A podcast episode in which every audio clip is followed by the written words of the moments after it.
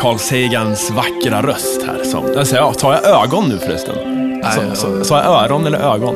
Jag tror att du sa öron. Ja, vilket som i alla fall. Jag tar in mina sinnen, jag tar in eh, rymden här. Och det här är ju eh, Superlife eh, Podcast spin-off. Första spin-offen faktiskt. För det här programmet som går varje vecka. En podcast om allt möjligt som ni eh, förmodligen har hört eller kommer att höra om ni går dit och lyssnar. Men jag är ju en av dem som är med i detta. H.M. Hamarin kallar jag mig. Och eh, vid min sida här har jag Adrian. Adrian Madden. Jajamän. Och du har varit med i Superlife och bryggt öl. Ja, jag, ja, om de som lyssnar på Superlife, eller har lyssnat länge kanske, har väl hört mig några gånger i alla fall. Jag tror att det är fyra avsnitt, eller kanske fem, som jag har varit med i totalt. Ja, du kommer ju alltid med julöl och påsköl och eh, Ja, så- det, såna det grejer. är väl det som varit min roll tidigare. Yes, men nu eh, när vi drack denna öl här på eh, nyårsafton tror jag det var. Ja. Då, eh, så, så på fyllan så snackade vi om att det här nya, nya Kosmos skulle komma. Ja. Och då kände ju, det var din idé, att vi Ja. skulle ta en specialpodd om det här. Ja, vi har ju lite en gemensam passion du och jag. Det har det, vi. Det är ju rymden och vetenskapen i allmänhet. Eh, och kanske Carl Sagan är en väldigt viktig del, i alla fall mitt intresse utav det. Ja, mitt med. Han är den personen som jag faktiskt, om jag fick, du vet så här frågan, eh, om du får välja vem du vill prata med, död eller levande, så här. Mm. Då väljer jag oftast, eh, eller alltid, Carl Sagan. Ja. Han verkar så jävla skön. Ja, alltså så här, det är ju en person, alltså så här, det är ju nog svårt att beskriva alltså, hur många han har betytt så mycket för. Liksom, för att det är så här, det finns ju, det finns ju liksom ingen person eh, i modern liksom, tid som har liksom varit så bra på att kommunicera vetenskapstänket. Nej. Och en passion och liksom hela den här, som han pratar mycket om, liksom, så här, the wonder liksom, av vetenskap. Liksom. Det finns ju folk som har försökt, men ingen som lyckats riktigt. Nej. Eh, Men om vi ska bara, eh, så här, eh, hör till introduktionen här. Vad ska man säga?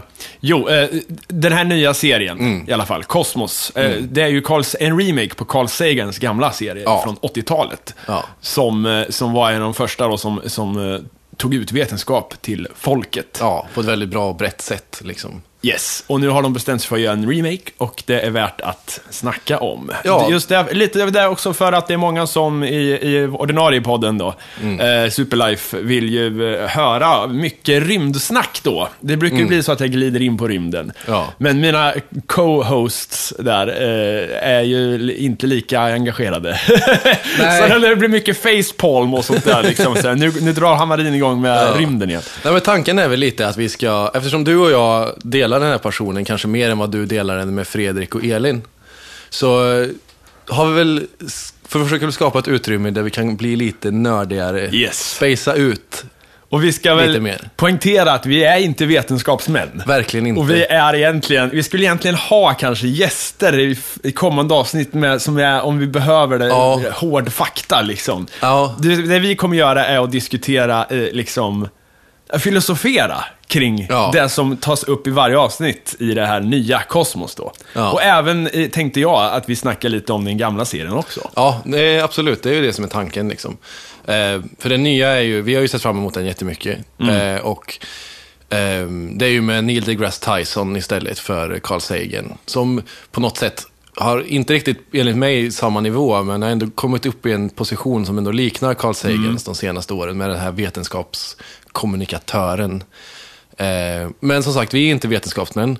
Eh, vi är entusiaster och jäkligt intresserade, men våran kunskap om alla de här ämnena baseras ju på att någon som vi litar på har sagt, sagt åt oss att, så här är det, Ja. och så väljer vi att tro på det. Ja, ja, för fan, så är det. Eh, det är ju så liksom. Men man kan ju fortfarande tänka på det liksom. Man Ja, kan ju ja. fortfarande så här, eh, ponera så här, hur, hur skulle det här gå till och hur skulle Ja. det där se ut? Och, eller så, och det, avsnitten är ju liksom egentligen bara, det är ju ingen recension av avsnitten det här egentligen. Nej. Utan vi, vi är väl mer så här, vi, vi tar utgångspunkt i dem. Ja. Och, och därmed ger våra lyssnare, tvingar våra lyssnare att se på den här fantastiska serien. Ja. Och sen snackar vi rymd ut efter det. Ja.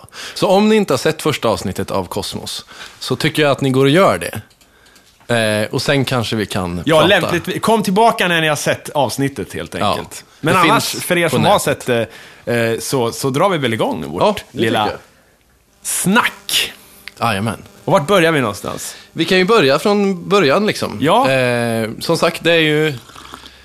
Eh, det är ju Neil deGrasse Tyson tillsammans som är, programledare. Eh, och det är ju Ann Ryan och Seth MacFarlane som är executive producers. Liksom. Det är ju lite deras projekt. Eh, Ann Ryan eh, är väl inte så känd för allmänheten, men det är ju Carl Sagans fru. Ja, den, Ehm. the late Carl Sagan. Hon är Ja. ju inte hans fru längre. Nej, nej, han, han, är ju, han dog ju i början på 90-talet. 96 tror jag, i cancer. Ja. Det, fanns en, det var ett så här, jag såg ett YouTube-klipp där han sitter och prat, berättar för media att så, nej men jag är frisk, Mm. eh, så här, svarar jättebra på behandlingen, eh, operation och allting sånt där. Sen pang dog han. Ja. Ja, det var ju väldigt plötsligt och det var ju väldigt eh, tragiskt liksom, för att det var en Ja. väldigt stor person som gick bort. Jag måste Eh, berätta en personlig anekdot. Gör det. An- angående just det här. För att det klippet, där han är åldrad och gråhårig och liksom tunnhårig och så här. Mm. Han är så inåt helvete lik min gamla fysiklärare på, på gymnasiet. Okej. Och han hade i princip samma retorik, alltså han berättade om rymden på samma sätt Mm. liksom. Så att jag tror att min fascination kom därifrån. Ja. Och sen har det liksom gått vidare till Carl Sagan. Så de har liksom mergat ihop till någon slags super teacher. Liksom. Ja. ja, det finns nog ingen fysiklärare på 90-talet som inte hade Sagan som förebild. Nej, det tror jag inte. jag tror att, jag tror att han inspirerade nog många lärare över hela världen. Förutom någon enstaka som hatade honom med en brinnande passion. Ja, men så är det ju alltid. Ehm, men i alla fall, eh, det är ju uppenbart redan från början att liksom hur mycket... Det här är inte bara... Alltså, ambitionen av den nya serien. Liksom. För att det har ju inte kom, sen gamla Kosmos har det ju inte kommit någon eh, så här stor övergripande projekt för att få ut både kunskap om universum, lägga det på en nivå som folk kan ta till sig eh, och samtidigt liksom kommunicera inte bara ut så ah, det här är solen och den är jättestor och det finns jättelånga avstånd i rymden typ. Eh, utan där hela ambitionen, ambitionen i, i liksom serien redan från början etablerar att vi ska kommunicera ut hela vetenskapsmanifestet nästan. Alltså så här, Ja. hela det här tankesättet som leder till eh, hur man överhuvudtaget kan veta det här. Liksom. Den, lägger de, den grunden lägger de väldigt, väldigt tidigt och det är därför kosmos var så intressant på 80-talet och det är därför den är intressant nu. Liksom. För att det är inte bara de här liksom, det finns ju liksom hur, hur, hur mycket serier, alltså så dokumentärserier som hel- helst om rymden. Liksom. Det är så här uh, Stephen Hawkins universe och, och, allt. Morgan Freemans uh, Through the Wormhole och, och ja, och den här Fabric of the Cosmos Ja, och, och sånt. Och en del av dem är bra. Men det är väldigt mycket så här, liknelser. Nu snittar vi en pizza och det är uh, Wormhole. liksom. Jo, väldigt, väldigt mycket. Och det är väldigt sällan det är... Det är vä- väldigt ofta det är så här, typ att de visar mycket bilder och så säger de så här är det i rymden. Mm. Men det är väldigt sällan, ja, och hur kom ni fram till det? Och hur vet vi att det är så här? Ja. Och det är det som de etablerar så tydligt i Kosmos från början, att vetenskap går ut på att eh, man observerar sin omgivning och så följer man bevisen. Mm. Och dit bevisen leder en dit man kommer. Liksom. Det är ju bland det första Neil deGrasse också säger Ja. i, i uh, avsnittet Ja, här. Att liksom, follow the- follow this evidence Ja. uh, wherever they may take you. Eh, och det är det som är det viktiga i det, eller, och det är det som sätter den här liksom, ambitionen i den här serien högre än vad alla andra liksom, Discovery-serier där de vill visa liksom, datoranimerade rymdbilder gör. Och det är därför den är intressant. Det är också därför de gjorde den till Fox. Det var ju Seth, Seth eh, MacFarlane, eh, Family Mm. Ja. Guy-mannen. Ja. Han, eh, var ju, han fick ju höra att Androiden och någon annan snubbe där, mm. faktiskt har glömt namnet på. eller- Ja. Dåligt. Men han, de skulle ju göra en reboot då, Mm. med Neil deGrasse Tyson. Och eh, ja, egentligen bara en i mängden på, på Discovery Science och de här kanalerna. Men då sa han så här, nej, nej, nej, nej. Det grejen med Cosmos original var att det nådde ut till alla. Ja. Så det måste gå på Fox. Ja. Och så fick de in det där. Ja. Så den sänds ju på, i USA så sänds den ju på Fox och sen så sänds den också på National Geographic. Och Fox är väl eh, ganska begränsat i USA, men National Geographic finns ju i alla fall i större Ja. delar av världen, liksom, om man har eh, så digital låda eller någonting sånt. Ja, jag tror jag så- har den i min... Ja, men Ja. jag vet att mina föräldrar till exempel har National Geographic hemma i kanalutbudet. Så att den kommer ju sändas där också. Ehm, jag vet inte när den kommer sändas i Sverige, men det går ju att få tag på den Man kan låna den från internet. Ja, man så kan låna den från Ja, internet. det är det vi har gjort. Ja, Eller har kanske. Ka- Vi kanske Det beror på det. vem som lyssnar. Men ja. Eh, Eller så gjorde vi inte det. Eh, Det är också ett alternativ. När vi åkte till USA och Mm. tittade på, på avsnittet. Men ja, det är det som är själva grundpremissen. Det är, där, Ja. det är liksom därför de gjorde serien här. Och eh, om vi börjar i själva avsnittet då liksom. Ja. Vignetten kommer. Ah. Ja. Direkt saknar man ju Vangelis alltså. Så, så Vangelis, den gamla synt-grekguden. Ja, Han gjorde ju musiken till original. han gjorde det ja. Ja, för fan. Det är ju det som gör ha- halva Ja. magin. Så här. Ja. Men eh, det är klart, alltså, det, det, det är inte så lätt att hitta, eller som ersätta det. Så att det får man väl ursäkta.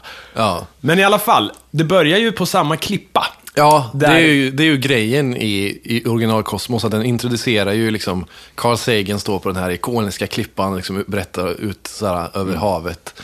Eh, och de är ju på samma plats där var Neil deGrasse Tyson. Eh, och han öppnar ju med att referera till Carl Sagan och gamla Cosmos. De är, liksom så här, de är ju jätteöppna från början med att det här är en reboot och vi gör det här för att...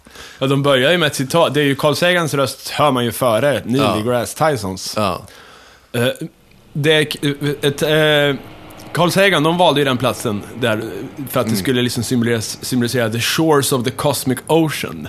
Ja, Så att jorden är liksom stranden för Ja. resan ut till rymden. Ja. Så redan där är det jävligt poetiskt. Och det är det som, det är det som är Sagans, det är Ja, därför det är jag ju- kan kolla på Kosmos flera gånger. Ja. För att liksom få hans poesi. Lite. Ja, han var ju, han, alltså, han var ju inte bara en, alltså, han var inte bara en vetenskapskommunikatör, han var ju en vetenskapsman också framförallt. Alltså, han, har ju del, han deltog ju i vet du, nästan alla relevanta rymdprojekt liksom, och gjorde väldigt mycket egen vetenskap. Inte bara så att han berättade om sånt. Nej. Men han var ju en jävla trollkarl med ord också. Alltså, han var ju fantastisk på att skriva och en, en berättare av rang. Liksom. Eh, vilket gör det, det är ju därför han fortfarande stannar kvar så här, liksom, snart 20 år efter han har dött. Liksom. Pale Blue Dot är ju Ja. numera ett begrepp Ja. i vetenskap. Den här dikten om, när, som han skrev. Ja. Eh, när, när de första bilderna är från Voyager, Ja. från Neptunus någonstans. Ja, har- Fotade jorden som en prick bara. Ja, han, de vände väl när de var borta vid Neptunus och så vände de på kameran i Voyager och så tog de en bild på jorden. Och, liksom, och då ser man liksom en... Liksom, ja, ja, det är bara en liten, liten blå prick och så till det fotot så liksom inspirerade Carl Sagan till att skriva en utav de finaste dikterna som jag känner Ja, till, visst. liksom, som är den här Pale Blue Dot. Och det är ju lite grann mänsklighetens selfie det här. Den här Ja, det är ju verkligen det. Den det, ultimata selfien. Ja. ja. Och det är ju verkligen det. Liksom. Och, det och det är det som, som så fint också förklaras i det här första avsnittet. Som är, liksom, för att det är uppenbart att liksom, det första avsnittet i serien är, är en väl, alltså, de lägger en grundfundament för att bygga vidare på. Liksom. De är inte så specifika på någonting, men de går igenom ganska mycket. Eh, men det blir ju också det här eh, perspektivet på skala liksom. Och det är det som gör den bilden så jäkla intressant. Och det är det som gör, alltså, och liksom den dikten som han skrev till det. Och det är även det som gör fascinationen med rymden. Liksom. När man liksom, och får det här eh, perspektivet. Det är liksom, det är små saker som man liksom upplever i vardagen. Bara så här, det är så otroligt irrelevant liksom. I, I det stora hela. Liksom. En liten blå prick är det som liksom all his- alla vi någonsin hört talas om, alla personer som någonsin har levt, fanns här i den här liksom försvinnande lilla, lilla, lilla punkten Ja. i en stor himmel. Liksom. Det, är- det är ju fascinerande. Mm. Vad heter det? Eh, om vi ska gå eh, kolla lite på avsnittet så är det ju, vad heter det? Eh, Neil deGrasse Tyson börjar ju vid jorden. Ja, i sitt The Ship of the Imagination. Ja. Och det är ju exakt så det är i originalserien också. Ja. Fast då är det som en liten sån här, vad fan är det? eh, dandelion. Men det är inte riktigt en eh, maskros, men det är typ en sån här, ah, Ja. ser ut som en liten stjärna liksom. Ja. Så att han flyger iväg i den. Skillnaden är att han åker ifrån universums yttersta kant Ja. till jorden. ja okej. Medan eh, Neil åker ut, liksom. De börjar vid jorden och sen zoomar ut. Så att om ni vill ha, zooma in igen, då, då kan ni först kolla på, på nya Kosmos och sen nästa eh, så kan ni kolla på gamla. Ja, och det, är- det, det är ju liksom, det är också det, kommer man tillbaka till det här med skalan liksom, som gör hela de här sakerna så himla intressant. Eh, ja, som sagt, Neil deGrasse Tyson åker runt i den, eh, ser ut som en tårtspade. CGI-tårtspade. CGI-tårtspade. Men jag tycker det är snyggt ändå. Ja, jag tycker att den är lite snygg, men jag tycker att det är liksom de första fem minuterna känns som ett jäkligt långt Star Trek-intro. Star Trek Voyager eh, Ja. speciellt, när Ja. de åker omkring där. Ja. Eh, men så här, det är, alltså, jag förstår ju varför man gör det så. Liksom. Det handlar ju om att liksom, få in en publik som kanske inte är intresserad och då kan man liksom inte bara stå och orera liksom, för nördarna utan då måste man liksom vara väldigt visuell. Eh, men då tar ju de, här, de tar ju den här skalan liksom, som är ungefär... Eh, det finns ett liknande YouTube-klipp som jag tror ni nämnde i någon podcast för Ja, inte så länge sedan. Men Scale of the Universe, Ja, Scale of the sitter där, Universe. ja. så här, time, så här, 10 times 10 eller vad fan den heter. Och det är som för han oss ut från jorden och sen så liksom solsystemet och solsystemets gräns och sen så vad Vintergatan är och så här galax, lokala kluster och sen så ända ut till hela det så här observerbara universum liksom. Om man ska komma ihåg att observerbara universum Ja. innebär ju bara att ljuset Ja. från kanten har kommit hit Ja. under den tiden som universum har existerat. Ja, Eh, det mesta, jag läste ju nyss eh, Brian Greens bok, eh, vad heter den? Uh, Åh, men jag har glömt vad den heter. Den handlar, det är ju den här med om multiversumteorin och sådär. ja, Eh, att det går ut på eh, att vi bara är en av många, många universum egentligen. Vilket de också snuddar vid i... i ja, de nämner ju det precis, alltså de nämner ju det väldigt kort och jag hoppas ju verkligen att de ska att de kommer ha ett avsnitt där Men de det måste in. de ha. Det, ja. det, är det, det är ju the edge liksom av eh, vetenskap just nu. Ja. Eh, men eh, det, det jag tänkte säga med det var ju att eh, där pratar han ju om, om hur det observerbara universumet egentligen liksom inte innebär att universum inte är oändligt. Utan mycket tyder på att det är kanske oändligt. Mm. Ja. Och då, eh, då är det här observerbara, det är egentligen, den gränsen existerar bara på grund av ljusets hastighet. Ja. Men vi kommer aldrig kunna proba någonting längre bort, för att Nej. det är liksom omöjligt. Ja, Så vi är ju avskurna ändå, Ja. i vår eh, bubbla där. Ja, men det betyder inte att det inte existerar någonting bortom det. Liksom. Ja, nej, För nej, att det, det handlar, och det är också en av de här mängd sakerna som de börjar intressera sig för rymden och den här vetenskapsteorin. Och speciellt när man kommer in på de här mer avancerade sakerna som multiversateorin. Liksom, när allting börjar bli ett brainfuck. Ja. Eh, och det, liksom, det, det, liksom, det upphör nästan att vara greppbart och blir bara liksom filosofiskt. Liksom. Det blir ju allt som är utanför vetenskapen, är ju filosofi kan man säga. Mm. Ja. Det blir ju väldigt svårt att besvara frågor som vi inte kan mäta. Ja. Det, då, då måste man ju förkasta vetenskapsmetoden lite. Ja, för det är ju det som, alltså vetenskapen, det som definierar vetenskap är ju, alltså, om någonting är, alltså för att någonting ska kunna inräk, räknas in inom den liksom, sfären utav kunskap, så är, måste det vara falsifierbart. Liksom. Ska någonting bevisas så måste det kunna motbevisas.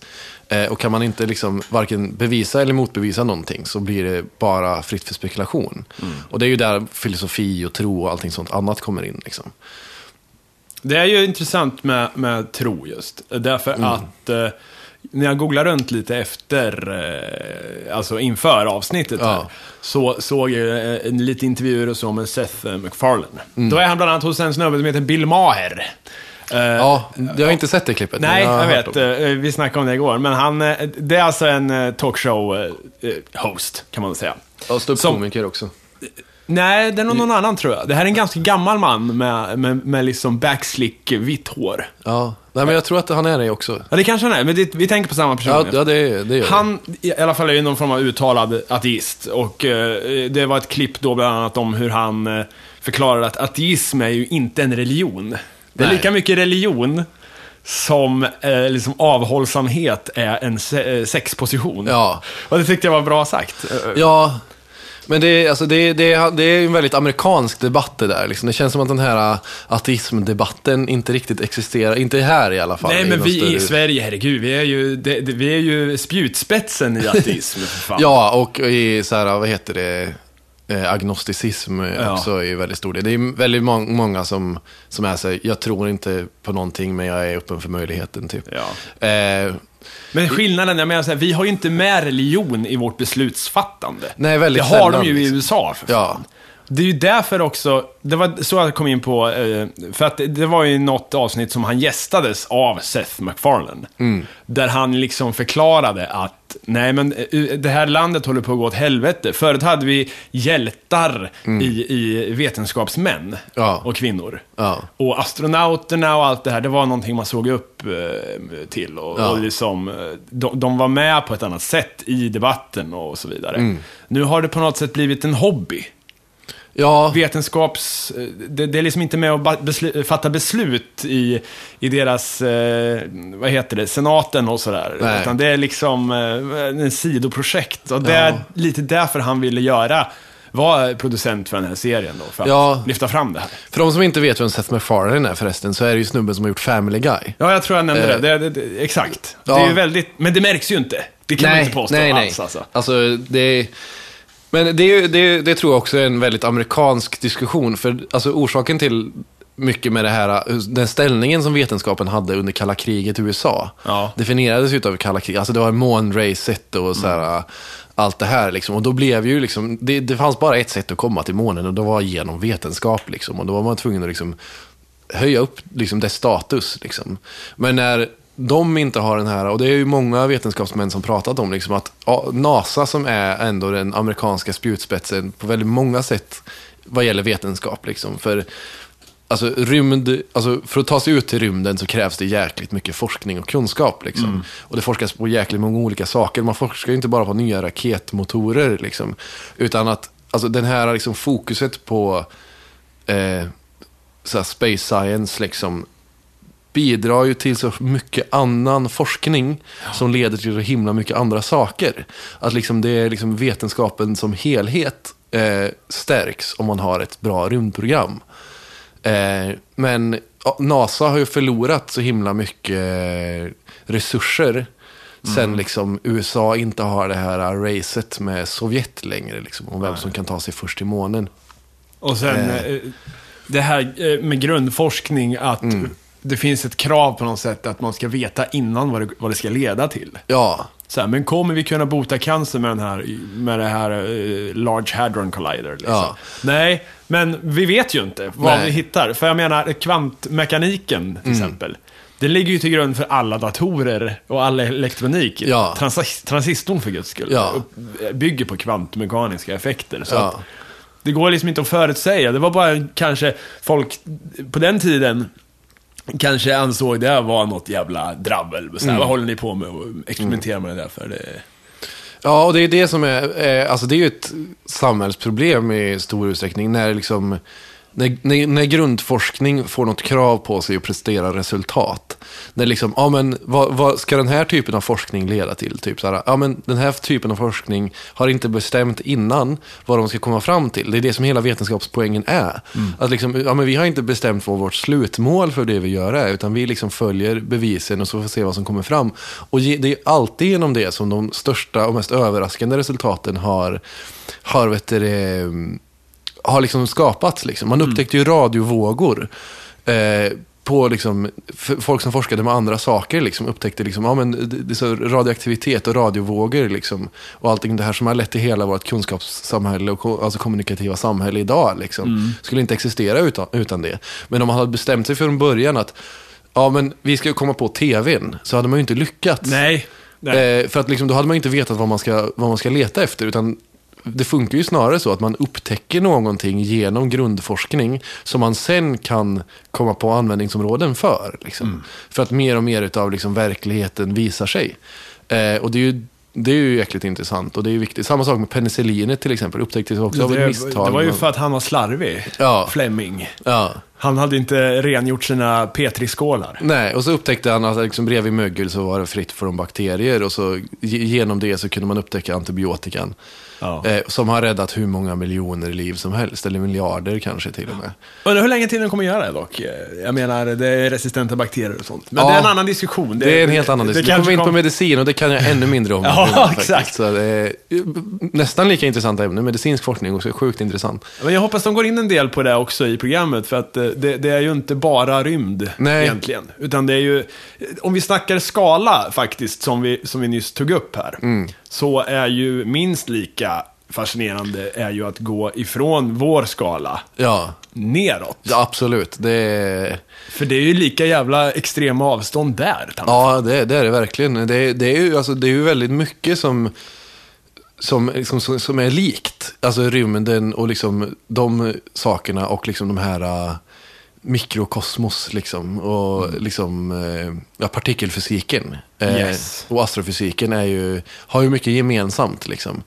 Och det är att den ligger så mycket så långt ifrån vår uppfattningsbara verklighet. Att det blir så djupt fascinerande. Om man tänker på typ kvantstater och sånt liksom. Och eh, partiklar som kan vara, vad heter det, när en partikel kan befinna sig på två, Superpositioner. ja, superpositioner. Och liksom om det för, en partikel förändras så förändras exakt samtidigt den andra partikeln. Ja. Oavsett, fast de inte har någon som helst koppling till varandra. Nej, sjukt. Eh, och, och just det här med bestånd, här partiklarnas beståndsdelar, liksom, att man kommer djupare och djupare ner i atomen. Liksom. Ja. Jag, jag, så här, det är ju så sjukt nördigt, men jag blev ju genuint glad när de hittade Higgsbosonen. Liksom. Ja, Jag ja, så ja. här, Så jag, yes! med, jag blev skit. I, ingen brydde sig. Nej. På Twitter, så ta mig fan ingen jävel. Alla bara, åh, åh, Guds partikel. För det första, dåligt namn. För Ja. det andra, det är ganska coolt ändå Ja. att de hittar den. Så. Ja, och så kom massa typ så här skämt, typ och så här, you can't have mass without it och allt. Ja, ja, ja, ja, ja. Eh, Men du, Mm. jag har tagit upp här, eh, jag, jag sitter aldrig med min laptop framme i, i Superlife-avsnitten. nej. Men nu kände jag att så här, nu ska vi prata fakta och grejer. Så, Ja. så nu ska jag fuska ta med fan. Eh, vad vi har här är ju eh, visu- att hur man kan visualisera planklängden. Ja. Planklängden är ju den minsta skalan, kan man Ja. Mm. säga. Under den skalan så eh, för, kan man inte avgöra vad som försiggår Nej. riktigt. Utan det är typ pixel, universums pixel, kan man väl säga. Ja. Och eh, den är då alltså, eh, hur, hur, hur stor är den? Den är mi, 10 uppe till minus 35 meter. Mm. Det är alltså 35, 0 0,0035 gånger. Liksom. Mm.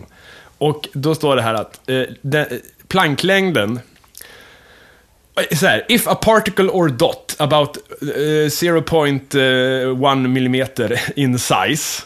eh, om man skulle ta upp den lilla punkten, 0,1 millimeter, och blåsa upp den så den blir lika stor som det observerbara universet. Alltså, vadå, 13,7 miljarder ljusår. Ja. Eh, då skulle planklängden inne i den här eh, sfären liksom vara ungefär storleken av en, en 0,1 millimeters punkt. Ja. Alltså så att den punkten som man, som man blåser upp, Ja. så liten är den i det eh, Ja. observerbara universet. Alltså. Ja, sånt är... Och det, jag tror även att det, strängteorin, Mm. som bygger på de här små avstånden också, då, jag tror det, en sån sträng skulle vara ungefär som ett träd på den skalan. Ja, fan. Så att det, det, det blir ganska självklart varför man inte riktigt kan bevisa den teorin. För att Nej. du måste ju zooma något så jävligt. Ja, man har ju inte lyckats kunna bevisa strängteorin liksom. Och det är, alltså nu kanske vi inte ska flumma ut för mycket heller, men det är också en så här total mindfuck-teori som ju så här försöker hitta de minsta beståndsdelarna som är, vad vad är det de säger nu? Att det är strängar av energi som vibrerar i elva dimensioner. ja, ja visst, visst. Eh, och att de på något sätt är den minsta byggstenen för, för materia. Liksom. Matematiskt är det den bästa eh, eh, teorin hittills om hur universum fungerar i Ja. grundutförande. Liksom.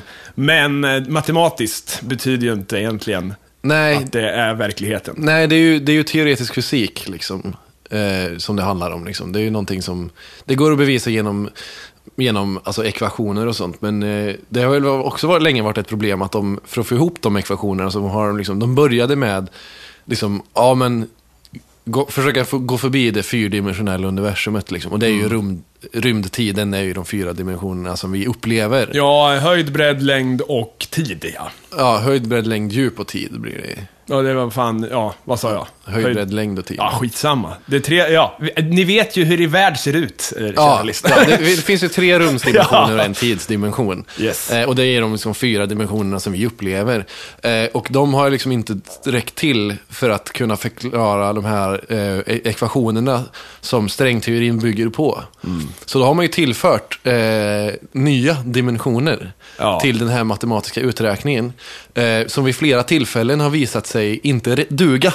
Nej, så det Eh, bara blir fler och fler. Så det- har det blivit ja. fler och fler. Och jag, som, jag, som jag har förstått det, alltså jag, jag kan ju ingenting om strängteorin. Det jag kan därifrån är ju det som jag har försökt lära mig från eh, Fab- Fabric of the Cosmos. Där han Just det, Brian Greens bok. Brian Greens bok. Jag Och hade den- lite svårt den, att hänga Det med. är många som såg eh, den dokumentärserien på SVT, eh, eh, vad heter det, Vetenskapens Värld, Ja. nyligen. Ja. Den eh, är ju, jag måste säga att eh, de, den lider ju av det här problemet som, som så många andra eh, dokumentärer gör. Ja. Att de ska likna det vid så mycket grejer. Bovla och, Ja. och äta pizza och, gå- och checka in på hotell och så. Ja. Det är så vardagliga liknelser att man faktiskt inte fattar överhuvudtaget vad vetenskapen egentligen har kommit fram till. Nej.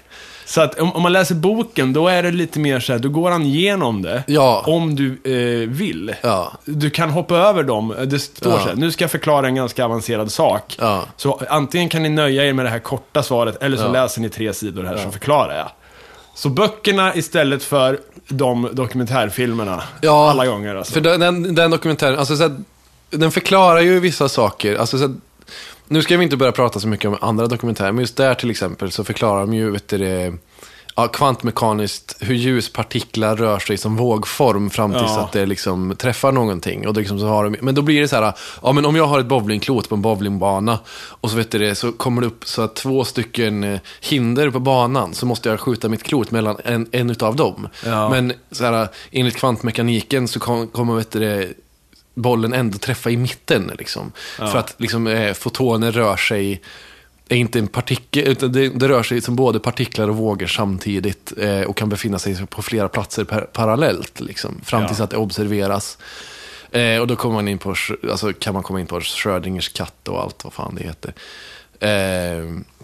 Men om vi ska bara ta, vi pratade ju om dimensioner nyss. ja, I, I det här skeppet som Neil deGrasse Ja. eh, åker runt i, tårtspaden. Ja. Då hade han ju, de har ju på något sätt i det här byggt in, fattar jag det som, att om man tittar ut genom fönstret så är man vart man är i space liksom. Ja. Och sen upp och ner i det här skeppet är tid. ja, Han tittade ner i golvet och sa någonting om att så här var jorden eh, så här, flera miljarder år sedan. ja. Och här uppe eh, är i framtiden. Och sen var det massa sci-fi konstruktioner där och så. ja. Så att jag undrar vad de ska göra med det. Eh, Att Ja. liksom, i skeppet så finns det någon form av tidsmaskin också. ja. Det är liksom, ja. Ja, det kan bli intressant att följa. Han förklarar ju... ehm, det pratar ju vi... Alltså, jag kan inte prata så här vi fast till vad vi pratade om innan avsnittet, men en av de stora bitarna av avsnittet är Ja. ju The Cosmic Calendar. Ja. Eh, som är en av liksom grundbultarna för hur även Carl Sagan, för det är en direkt referens till den tidigare serien. Oh ja, liksom. det är i, i princip exakt samma utseende på den ja. också. Eh, och det är ju, och då, och det är ju så, det är ju väldigt bra för liksom, det är ju en av de här, eh, om man ska säga att liksom, eh, de bygger, bygger ett antal liksom pelare i, i avsnittet som man sen kan bygga vidare på, liksom, så att Mm. man bildas mer och mer, så är ju Cosmic Calendar en av dem. Liksom. Så att, Ja. Eh. Mm. Och den går ju ut på att eh, om man tar tiden ifrån Big Bang fram till nu Mm. Ja. och, eh, och eh, liksom sätter ut det på en, eh, helt, ett år, ett jordår. ett kalenderår. Liksom. Så, så kan man se vilka datum olika saker hän- hände och så vidare. Mm. Jag har en fusklapp här, ska vi se, Cosmic Calendar. Till exempel Big Bang då, första januari såklart. Ja. Eh, Vintergatan, galaxen, formas inte förrän eh, 15 mars. Nej. Liksom. Och det, sen händer det ju massa grejer. Men det intressanta är ju mänskligheten då som är... Ja.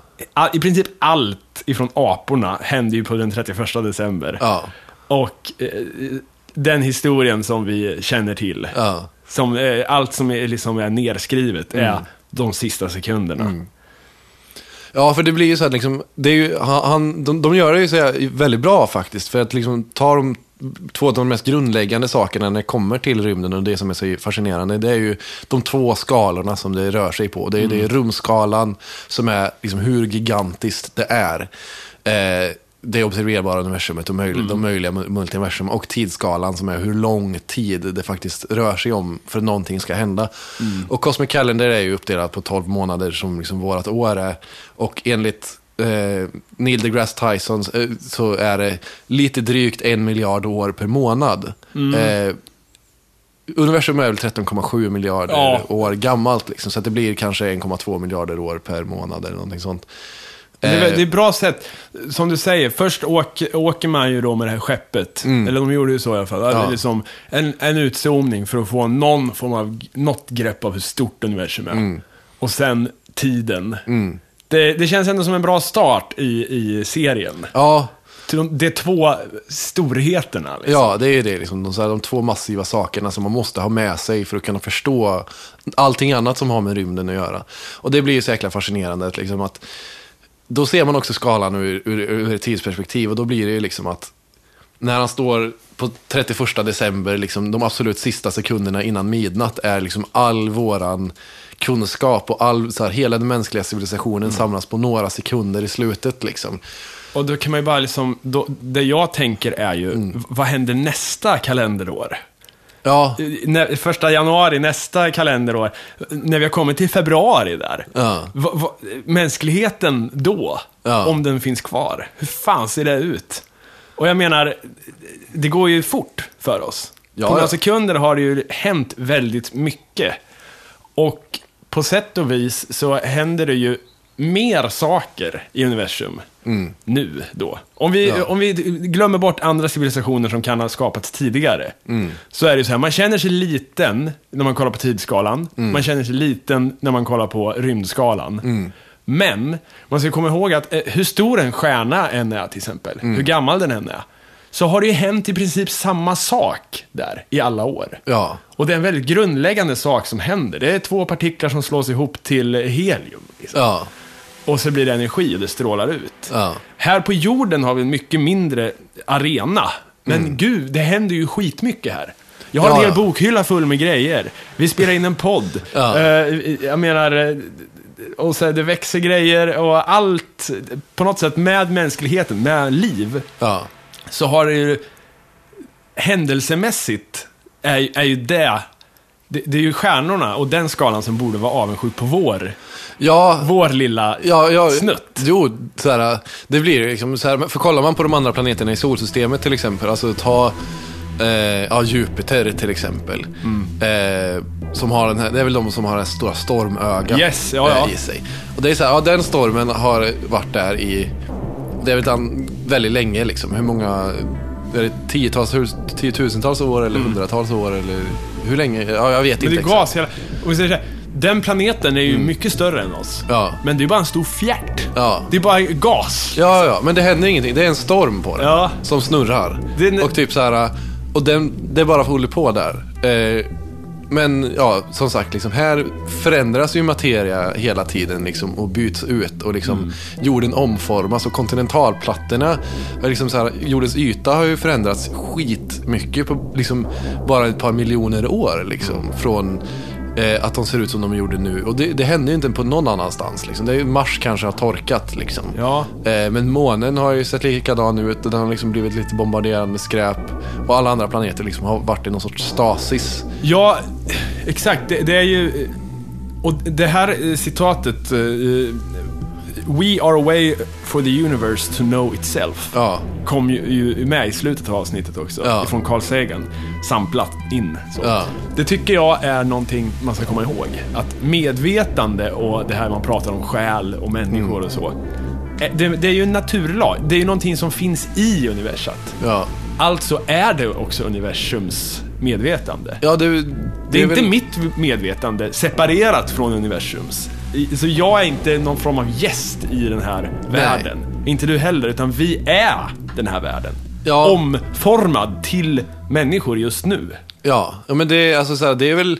Det blir också ganska filosofiskt, men det är, är å andra sidan det enda sättet liksom, att, att egentligen se på det också. Liksom, att enda orsaken till att någon...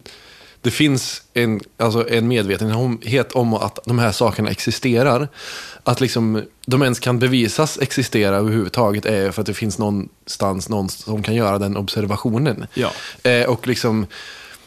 Att Det, säga, det finns ju i, i själva liksom, alltså partiklarna som, liksom, som bygg, bygg, är byggstenar för allting som som existerar i hela universum så finns det ju möjligheten att sammansättas till ett medvet, en medvetande varelse. Liksom. Ja. Även fast partiklarna i sig inte bär ett medvetande så, liksom, så uppstår det ur deras kemiska föreningar. Eh, och liksom, bara den här grejen som också är som de, som de nämner och som är väldigt, väldigt eh, Carl Sagan-isk, det är ju det här eh, att varenda atom i våran kropp har liksom smidits i, i, i stjärnor. Ja. Eh, och sen exploderat ut i, i universum i olika ämnen ner på atomnivå och sen, han tog upp det i den där lilla resan.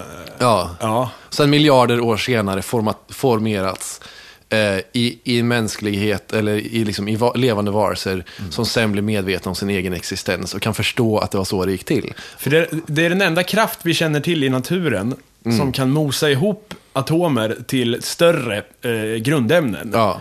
Är eh, in, liksom innersta delen av en supernova. Mm. Ja. Och det handlar alltså om eh, minimala tidsrymder här då allt utom i princip eh, väte och helium har skapats. Ja. Och när, när man kom, det liksom skapas i omgångar uppåt i storlek då från grundämnena. Ja. Upp, genom eh, syre och kol och allt det där. Ja. Tills man slår in i järn. För järn, där tar kapaciteten stopp. Och eftersom den här processen alstrar energi, så är det liksom den som håller emot kollapsen på något sätt. Ja. Så när järnet slut, när det når järn och liksom inte kan trycka ut längre, då faller resten av stjärnan ner på det här fort som fan. Och då blir det sånt jävla liv i det andra heliumet. Eller, Ja. som, så då smäller det. Det är, Ja. där, det är då supernovan kommer. Liksom. Ja. Så det, så, eh, och då flyger det här skiten ut och bildar jorden, eh, Jupiter, all, all, allt. Ja. Och det är det, ja, we're all made of stars. Liksom. Ja, det är ju det som är en av Carl Sagans alltså mest kända citat och en väldigt sån eh, sak man tar, med sig när man börjar intressera sig för, för det. Liksom. Men också är det ju lite så här, vad ska man säga, den här eh, tanken att vi inte är så speciella. Och att eh, medvetandet, själen, det är bara en del av universum och det är bara en, en, en, eh, en vad ska man säga? Vi är ju lite grann universums selfie. Om Ja. vi går tillbaka till, om Voyager-sonden tog mänsklighetens selfie, Ja. så är ju medvetandet på något sätt universums selfie. Att betrakta sig själv igenom. Ja, det, det, det blir ju så. Eller så här, det är ju en...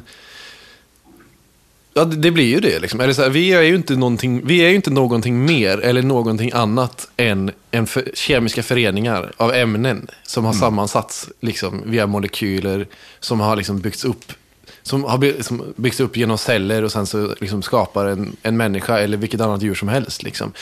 Våra minsta beståndsdelar är exakt samma beståndsdelar som allting annat består av. Liksom.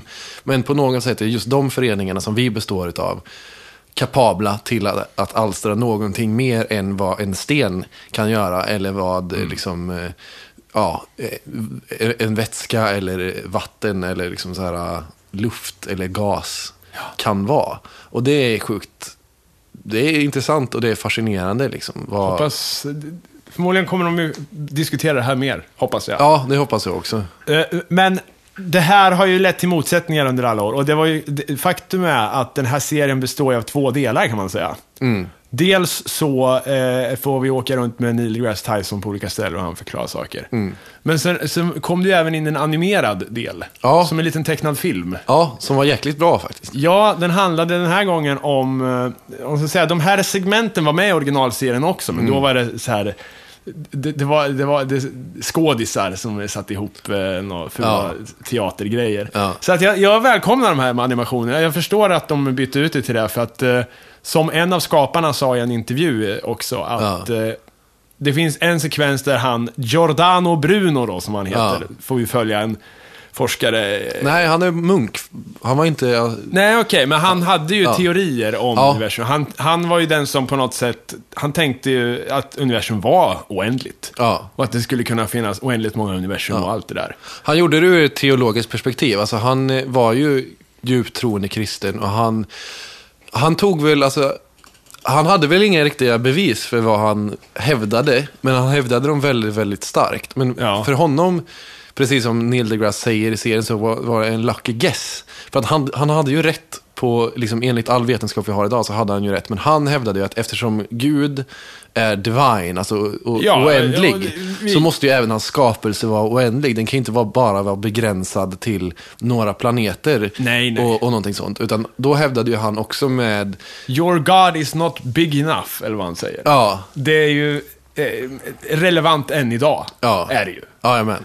Eh, men det finns ju då, när han fängslas och ska avrättas, så får man ju se hur han bryter sig ut ur sin cell eh, med hjälp av fantasin och där han får sväva fritt i universum. Liksom. Ja. Hans oändliga universum innan han blir avrättad. Ja, han blev ju bränd på bål. Ja, och det var en av skaparna som sa det, att de- den sekvensen, det hade liksom inte gått att göra snyggt och poetisk eh, om det inte hade varit animationer. Nej. Så att eh, de här tecknade sekvenserna, jag, ty jag, jag tyckte det var bra grepp faktiskt. Ja, jag tyckte att de var snyggt säga. eh, tecknade och jag tyckte att de var väldigt väl eh.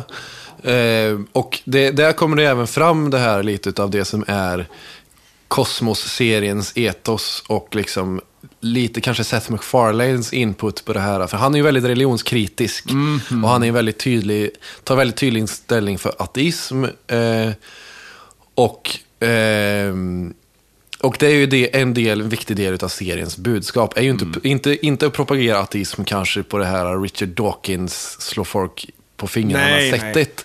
Men ändå liksom, och, och ändå måla upp den faktiska motsättningen som fanns, och även fortfarande finns, men framförallt fanns då, mellan vetenskap och liksom fakta och liksom observation och vart det tar en, och mellan religionens dok- doktrin och hur man har hållit tillbaka utvecklingen för hela mänskligheten genom de här, liksom, att man bestämmer sig för hur världen ser ut och om någon ifrågasätter det så är den ett hot.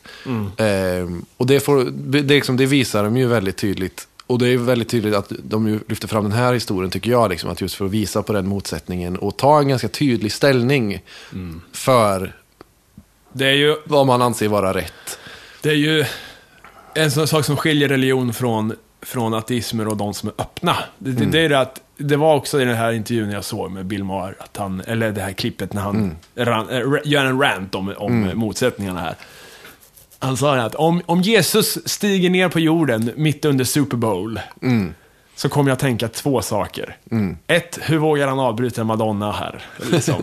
Och Ja. två, eh, ja, jag hade fel. Ja, Och kunna erkänna så här, att, ja, nej, jag hade nog fel. Ja. Jesus finns. ja. Men det skulle, för det skulle man inte kunna göra, det skulle inte en religiös människa kunna göra på samma sätt. Nej, och det kan ju inte liksom en religion egentligen göra heller. Eh, och det är det som liksom vetenskapen har som, som grundläggande principer, att man följer bevisen och, vet du, och om bevisen säger emot den så måste man förändra sig. Ja. Och det finns en annan viktig poäng i det, det är att vetenskap är in, vetenskapen är inte dess vetenskapsmän, utan vetenskap är en kollektiv process där många har input. Liksom. Och man kan inte liksom, självklart har ju väldigt många vetenskapsmän darlings som de vägrar, vägrar släppa eller blir så fästa vid sina egna idéer. Men liksom den vetenskapliga konsensuset begränsas egentligen inte utav att vissa kanske har svårt att ta emot att de har blivit motbevisade. Liksom, för att som process så går det ändå vidare och det är där kunskapen eh, faktiskt alltså bild skapas. Liksom, den kollektiva deltagandet i liksom, kritiken och, och kunskapsutformandet liksom, genom den vetenskapliga metoden. Ja, jag ska kolla här. Eh, till exempel Big Bang var ju faktiskt eh, han som, eh, kommer du ihåg vem det, vem det var som myntade uttrycket? Nej, det gör jag inte. Men för att det, jag ska slå upp det här med att jag ska förklara. För, för han nämligen sa det ju som eh, ironi. För att han inte trodde alls på det. Han sa så här, this big bang shit. Bara, Vad fan är det? Ja. Eh, nu ska vi se om jag kan hitta det någonstans. Skitsamma, det var en snubbe som sa det. Ja. Vi nöjer oss med det. Någon jag tänkte gå Big tillbaka Bang. till Cosmos eh, originalserien. Ja. I originalserien så följer de en annan eh, forskare Mm. i eh, avsnitt ett. För att på något sätt bevisa det här med att eh, antikens eh, eh, stora hjärnor, de kunde få idéer som var rätt. Mm. Och då, då får vi följa, vad heter det? Era- Eratosthenes. Mm. Era- Eratosthenes. Han, det här har jag sagt i Superlife-podden då, men Mm. eh, det är nytt för den här spinoffen. Eh, Så jag drar det igen. Det går ut på att eh, en man då i Alexandria, bibli- där biblioteket fanns, eh, stora, han, han märkte att på dag, årets längsta dag så fanns det en, en stad inte långt därifrån då som, som vad heter det, Sien heter den staden här verkar det som. Och där, där det fanns en brunn, och, och sidorna på den här brunnen kastade ingen skugga på marken Nej. vid, den tidpunkten. Alltså solen stod rakt ovanför. Ja. Gjorde inte samma sak i Alexandria där han bodde. Nej. Och äh, räkna på det här, hur, hur kan det vara möjligt? Ja. För jorden är ju platt och så vidare. Ja. Men han var ju inte låst vid re- religion och så vidare, så han eh, krökte ju den här uträkningen som bara, ja, det funkar om jorden är rund. Ja. Och så, så, så anställde han en snubbe för att gå hela vägen till den här staden och mäta stegen Ja. för att se hur långt det var. Ja. Och med den lilla tårtbiten som han liksom skapade där, med Ja. krökningen och med eh, matematik eh, och, och längden mellan punkterna, så räknade han ut jordens omkrets alltså. Och det här var, vi ska kolla när det här var någon gång. Eh, han levde alltså, ja, 300 år före Kristus, eh, någonstans. 276 före Kristus eh, föddes han. Det är bra gjort. Ja, det är sjukt fascinerande. Och det, är så här, och det säger ju ganska mycket om liksom hur vetgirig mänskligheten har varit under hela sin existens egentligen. Liksom. Bara att möjligheterna till att ta reda på mer har ju, redan, har ju alltid byggt på tidigare kunskap. Och ofta genom historien begränsats av doktriner som inte har tillåtit människan att utforska sin omvärld. Liksom, för att man har bestämt sig vad som är rätt från början. En jävligt bra bok faktiskt, om vi ska tipsa. Som tar upp alla, för vi har ju diskuterat här, eh, vad vi hoppas att Kosmos gör, är ju att förklara lite, eller väldigt mycket så här, eh, vetenskapsmän och kvinnor, som, alltså hur de har kommit på sakerna. Ja, Vi tar, det här med Big Bang expanderar och så vidare. Och hur långt är det mellan stjärnorna och allt det här. Det, det väcker massa frågor om hur man har lyckats ta reda på det här. Hur kan man mäta hur långt det är till en annan galax? Vi kan ju inte åka dit. nej. Och vi, vi kan se på ljuset, men hur vet vi vad, vad standardlängd, alltså mätstickan, hur får vi Ja. den? Och hur har vi räknat ut jordens storlek? Och hur vet man hur långt det är till solen? Allt det här. Väldigt mycket av de upptäckterna tas upp i en bok här som jag har. Den är skriven av Bill Bryson. Okej. Och den heter En kortfattad historik om nästan allting. Ja, den är fantastisk. Ja, och den går ju ut på det. Det är liksom, det tar upp, det är något avsnitt till och med som handlar om någon som räknar ut eh, jordens densitet. Typ, och hur mycket den väger genom att hålla på och mäta berg och skit. Och Ja. räkna ut. Alltså den är, det, det är väldigt mycket som är intressant i den. Mm, den har jag lyssnat på som ljudbok. Jag tycker att den är, den är grym. Ja, Så, så den... Eh, Det är ett, lä- ett väldigt starkt lästips. Som tar upp eh, lite allt möjligt. Det är, eh, det är allt möjligt ifrån stjärnskådning då till, till hur Yellowstone är egentligen bara en stor, alltså nationalparken. Ja. Jag tror det var något avsnitt om, som handlar om att det, det är ju en supervulkan. ja, jo, jag vet. Så att det, när är- som helst kan det är sjukt läskigt att, Ja. läsa det. För att det är så här, men ska vi med det lästipset skicka, skicka vidare till våra lyssnare? Och komma tillbaka om en vecka? Ja, det kanske vi ska göra. Vi har hållit på i 50 minuter och det är väl Ja. ungefär lagom kanske för, vi får se. Det blir väl ungefär samma snack nästa gång tänker jag. Ja, det beror på lite vad de tar upp i avsnittet. Nu Ja. var ju avsnittet så grundläggande, så nu har vi också förhoppningsvis lagt en grund som vi kan bygga vidare på. Ja. Och liksom vad den här specialpodden kommer handla om. Och vi kommer ju följa eh, Kosmos-serien, göra en podd för varje avsnitt, det är väl tanken. Mm. Eh, och sen är det väl slut när vi har gjort det. Så får vi se vad som om det händer någonting mer senare. Ja. Och eh, nej, men vi försöker väl fortsätta kolla eh, på, på tips, både, både fiction och, eh, Ja. och eh, vad ska man säga, fakta. Ja. Som bygger på, som man kan ta vidare. Men, men eh, det är väl dagens tips, eller den här boken, Bill Ja. Bryson, eh, eh, kortfast, kortfattad historik då. Ja, och vill man inte läsa, den finns säkert på bibliotek och vill man inte läsa den så finns den på ljudbok, det vet jag, för att jag har lyssnat på den på ljudbok. Eh, och vi rekommenderar alla att kolla på första avsnittet av Kosmos. Och Ja. Kosmos släpps på söndagar. Ja, och kolla på gamla serien också. Ja. Den, alltså även om det är mycket samma fakta, Ja, och en del förlegad fakta, Ja. så är ju Carl Sagan en upplevelse i sig. ja absolut. Stor Eh, man. Och eh, för, innan vi avslutar så måste vi ju Eh, ett av de finaste ögonblicken i det nya avsnittet Mm. var ju faktiskt när Neil deGrasse Tyson visade upp Carl Sagans gamla kalender.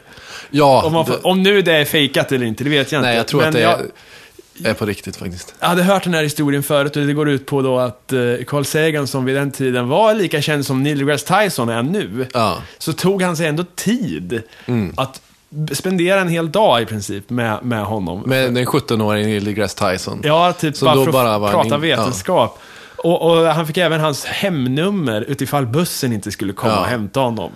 Ja. Och jag menar, det, hem, det, det är ju faktiskt rätt. Det säger någonting om, om just vetenskapspersonligheter, Mm. kanske. Och det säger nog främst någonting om Carl Sagan och varför han var så älskad och varför han får den här hyllningen nu. Eh, vilket serien faktiskt är. Men se första avsnittet av Cosmos om ni inte redan gjort det. Mm. Eh, se nästa avsnitt, kommer på söndagar. Kanske finns att låna på internet om ni har tur. Ja. Så Vi hörs- är, vi är era guider, eller Ja. så här, vi är lite eftersnackspanelen här. i alla Jajamän. Så hörs vi om eh, nästa vecka efter nästa avsnitt. Någon Yes, och emellan dessa så kommer ju såklart ett vanligt Superlife Ja. podcast. gång. Moderskeppet. Då vi pratar lite mer jordnära och sjuka ämnen. Ja. Tack för oss! ja, tack så mycket. Hej! Hej. Insändare och dylikt kan ni faktiskt skicka till superlifepodcast@gmail.com eller hugga tag i antingen mig eller Adrian på Twitter. At hmhammarin och at attestupan. Musiken vi hörde i programmet var ingen annan än Superlife Podcasts Fredrik med CK under artistnamnet eh, Black Glass Church har gjort lite spacey musik.